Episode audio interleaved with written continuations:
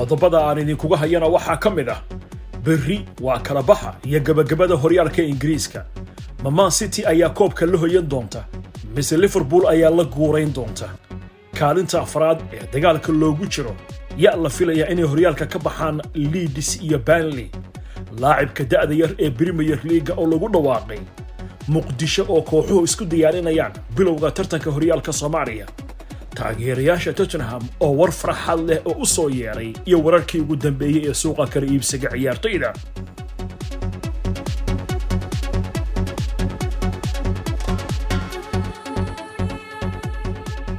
Aan ku bilaabe maalinta axadda waxaa la soo gebagabaynayaa horyaalka brimiyer leaga waa maalin ku suntan in la ogaan doono manchester city iyo liverpool kooxda hanan doontaa koobka loo hardamayo waxaa kale oo lagu kala bixi doonaa kaalinta afraad oo ay ku loolamayaan arsenal iyo tottenham inkastoo ay kala fursad badan yihiin. Waxaa kale oo beri la ogaan doonaa kooxda saddexaad ee ka baxaysa horyaalka ee ku biiraysa norwich city iyo watford oo horay horyaalka uga baxay. Iyadoo kooxaha liidis iyo banley midkood aanay ka ciyaari doonin horyaalka sare ee ingiriiska xilli ciyaareedka soo socda labaatanka kooxoodii horyaalka ka ciyaaraya ayaa berri isku xilli oo ah lixda fiidnimo saacadda geeska afrika. Waxay ciyaari doonaan kulankii soddon iyo sideedaad ee horyaalka. Man city iyo liverpool ay u dhaxayso hal dhibic ayaa ku loolamaya koobka iyadoo labadan kooxood ay ku ciyaarayaan garoomadooda. Man city waxay ku qaabilaysaa itixaad stadium kooxda aston villa halka liverpool ay u babac dhigayso wolvis oo ugu imaanaysa garoonkeeda anvil stadium chelsea oo kaalinta saddexaad ku jirta. Xisaab ahaan waxay ku dhammaysanaysaa kaalinta saddexaad oo kulanka ay la ciyaaraysa watford.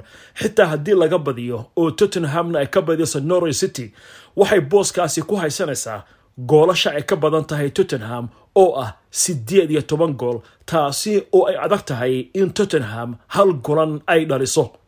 Kaalinta afraad oo ka mid ah boosaska looga qayb galo tartanka horyaalada yurub waxaa imika ku jirta tottenham waxayna ku weyn kartaa haddii arsenal ay ka badiso everton oo ay ku soo dhoweynayso imaaraati stadium. Islamarkaasna norwich city oo gurigeeda carol road kula ciyaaraysa tottenham ay badiso. Tottenham iyo arsenal oo midkood oo ka ciyaari doona yuruba leaga waxaa ku biiri doonta manchester united ama westham waase haddii man united ay badiso waxay noqonaysaa in westham ay ka ciyaari doonto yuruba league conference.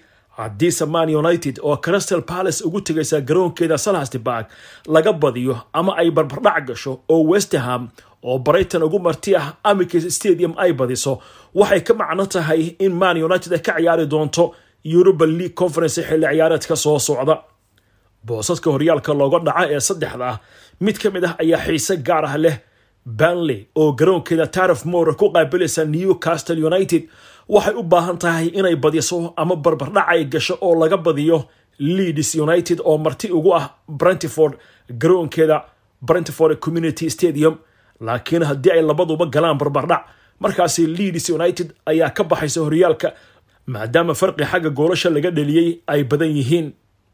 Gool dhalinta loogu tartamayo kabta dahabka ah waxaa imika laba iyo labaatan gool u muuqda inuu ku guulaysanayo maxamed saalax oo liverpool ka tirsan.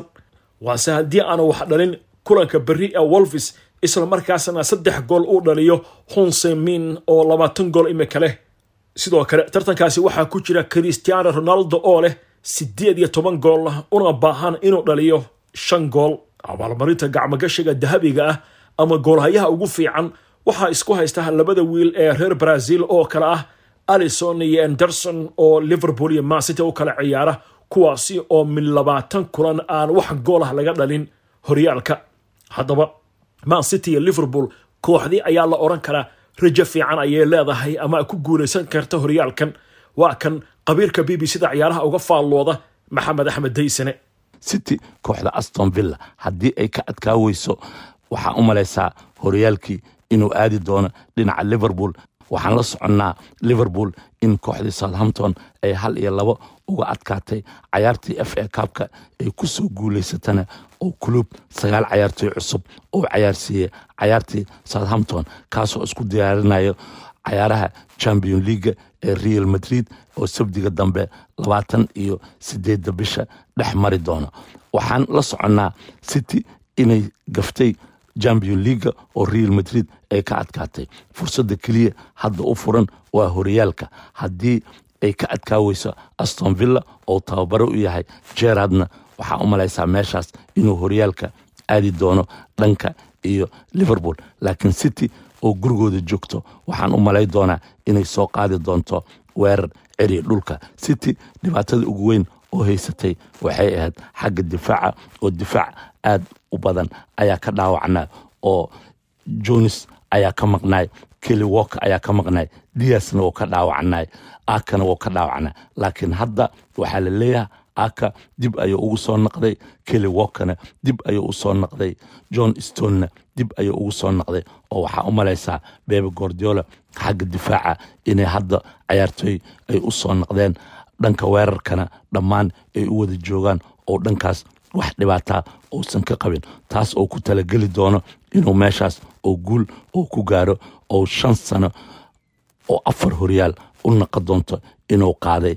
Taasna ay naqon doonto bebe gordiola koobkaas horyaalka inuu ku badbaadi doono asiga oo afar koob u tartamaya kii ugu dambeeyana oo cayaari doono maalinta axadda laakiin liverpool afar koob ayay u tartamaysay laba ka mida way qaadatay.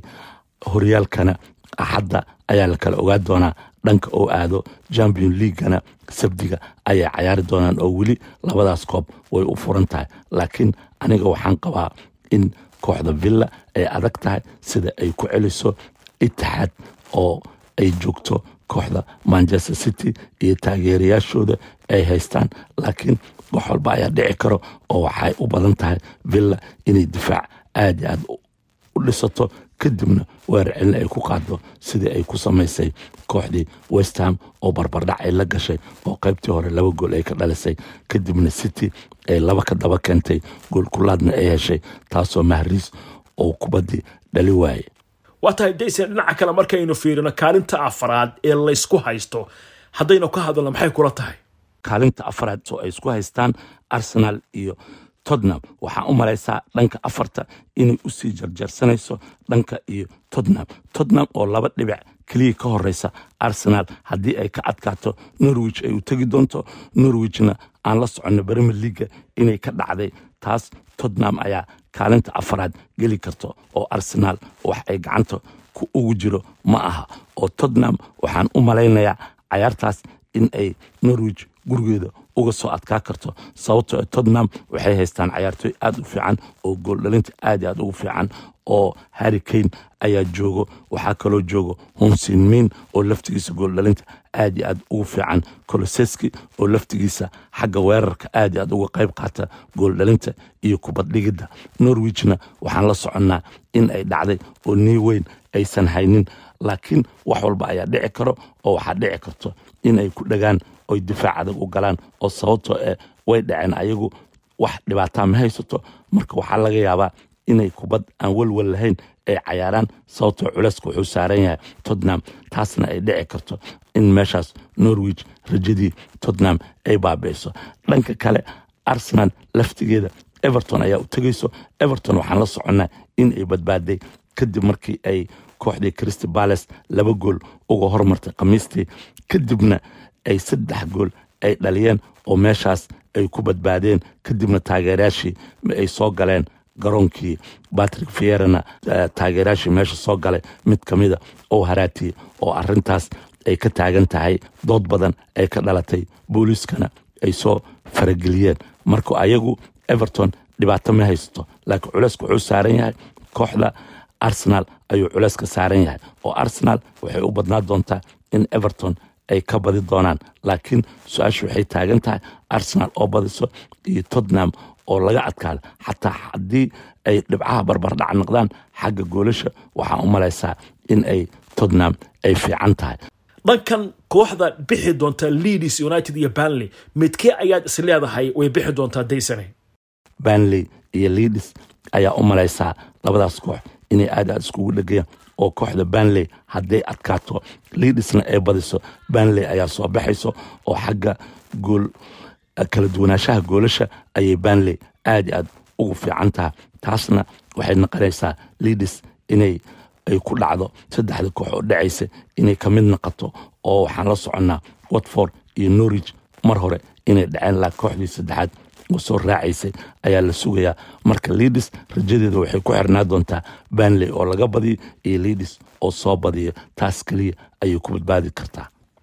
Aad iyo aad baad u mahadsan tahay maxamed axmed daysane. Waa hagaag. Waan u soo laaban doonaa wararka ciyaaraha yurub laakiin muqdisho.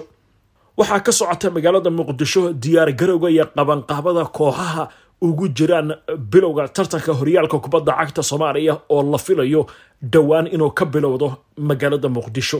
Dhanka kale kooxaha m c c iyo horseed ayaa iyaguna waxay isku diyaarinayaan tartanka subarkaabka ciyaartaasi oo dhici doonta shanta bisha fooda inagu soo haysa.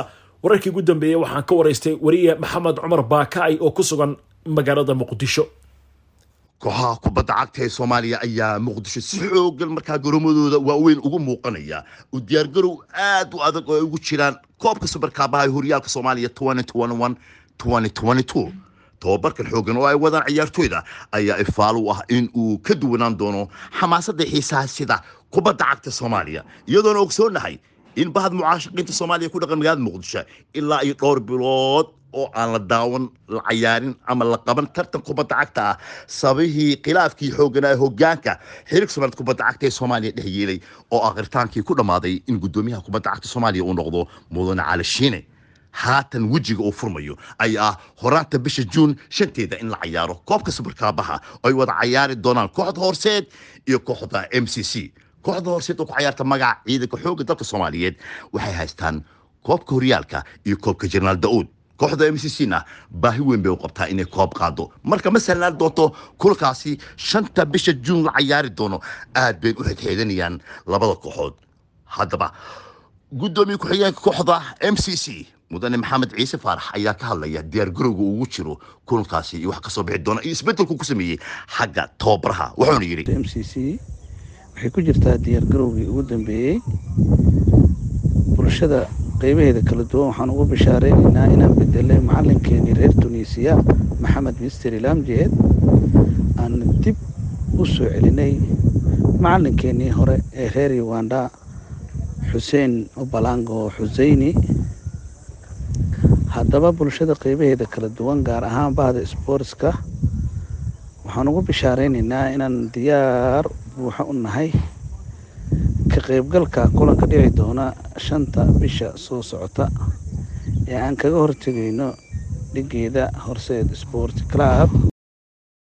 Horyaalka oo isla bisha juun bartankeeda furmi doonana waxaa markaa ku cusub kooxda saxaafi iyo badbaado oo heerka labaad ka soo gudba oo heerka koowaad taagan.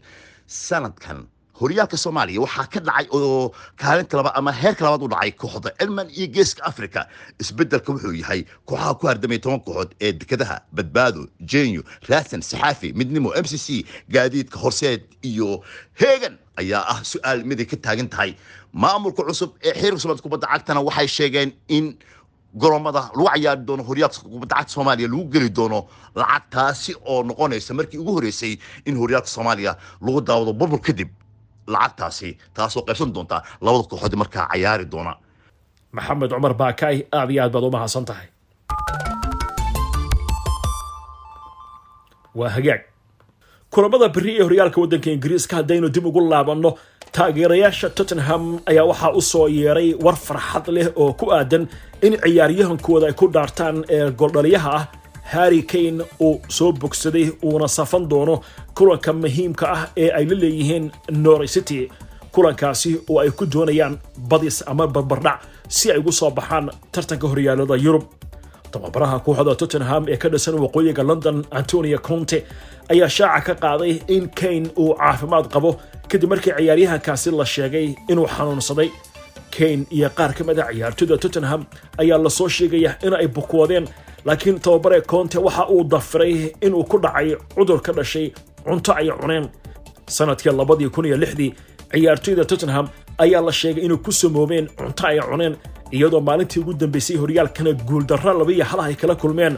Kooxda westham taasi oo dhalisay in arsenal ay u soo baxday ka qaybgalka champions leaga haatan iyadoo beri la ciyaarayo kulanka ugu dambeeyay horyaalka ingiriiska kooxaha arsenal iyo tottenham waxay mar kale ku legdamayaan kaalinta afraad ee horyaalka.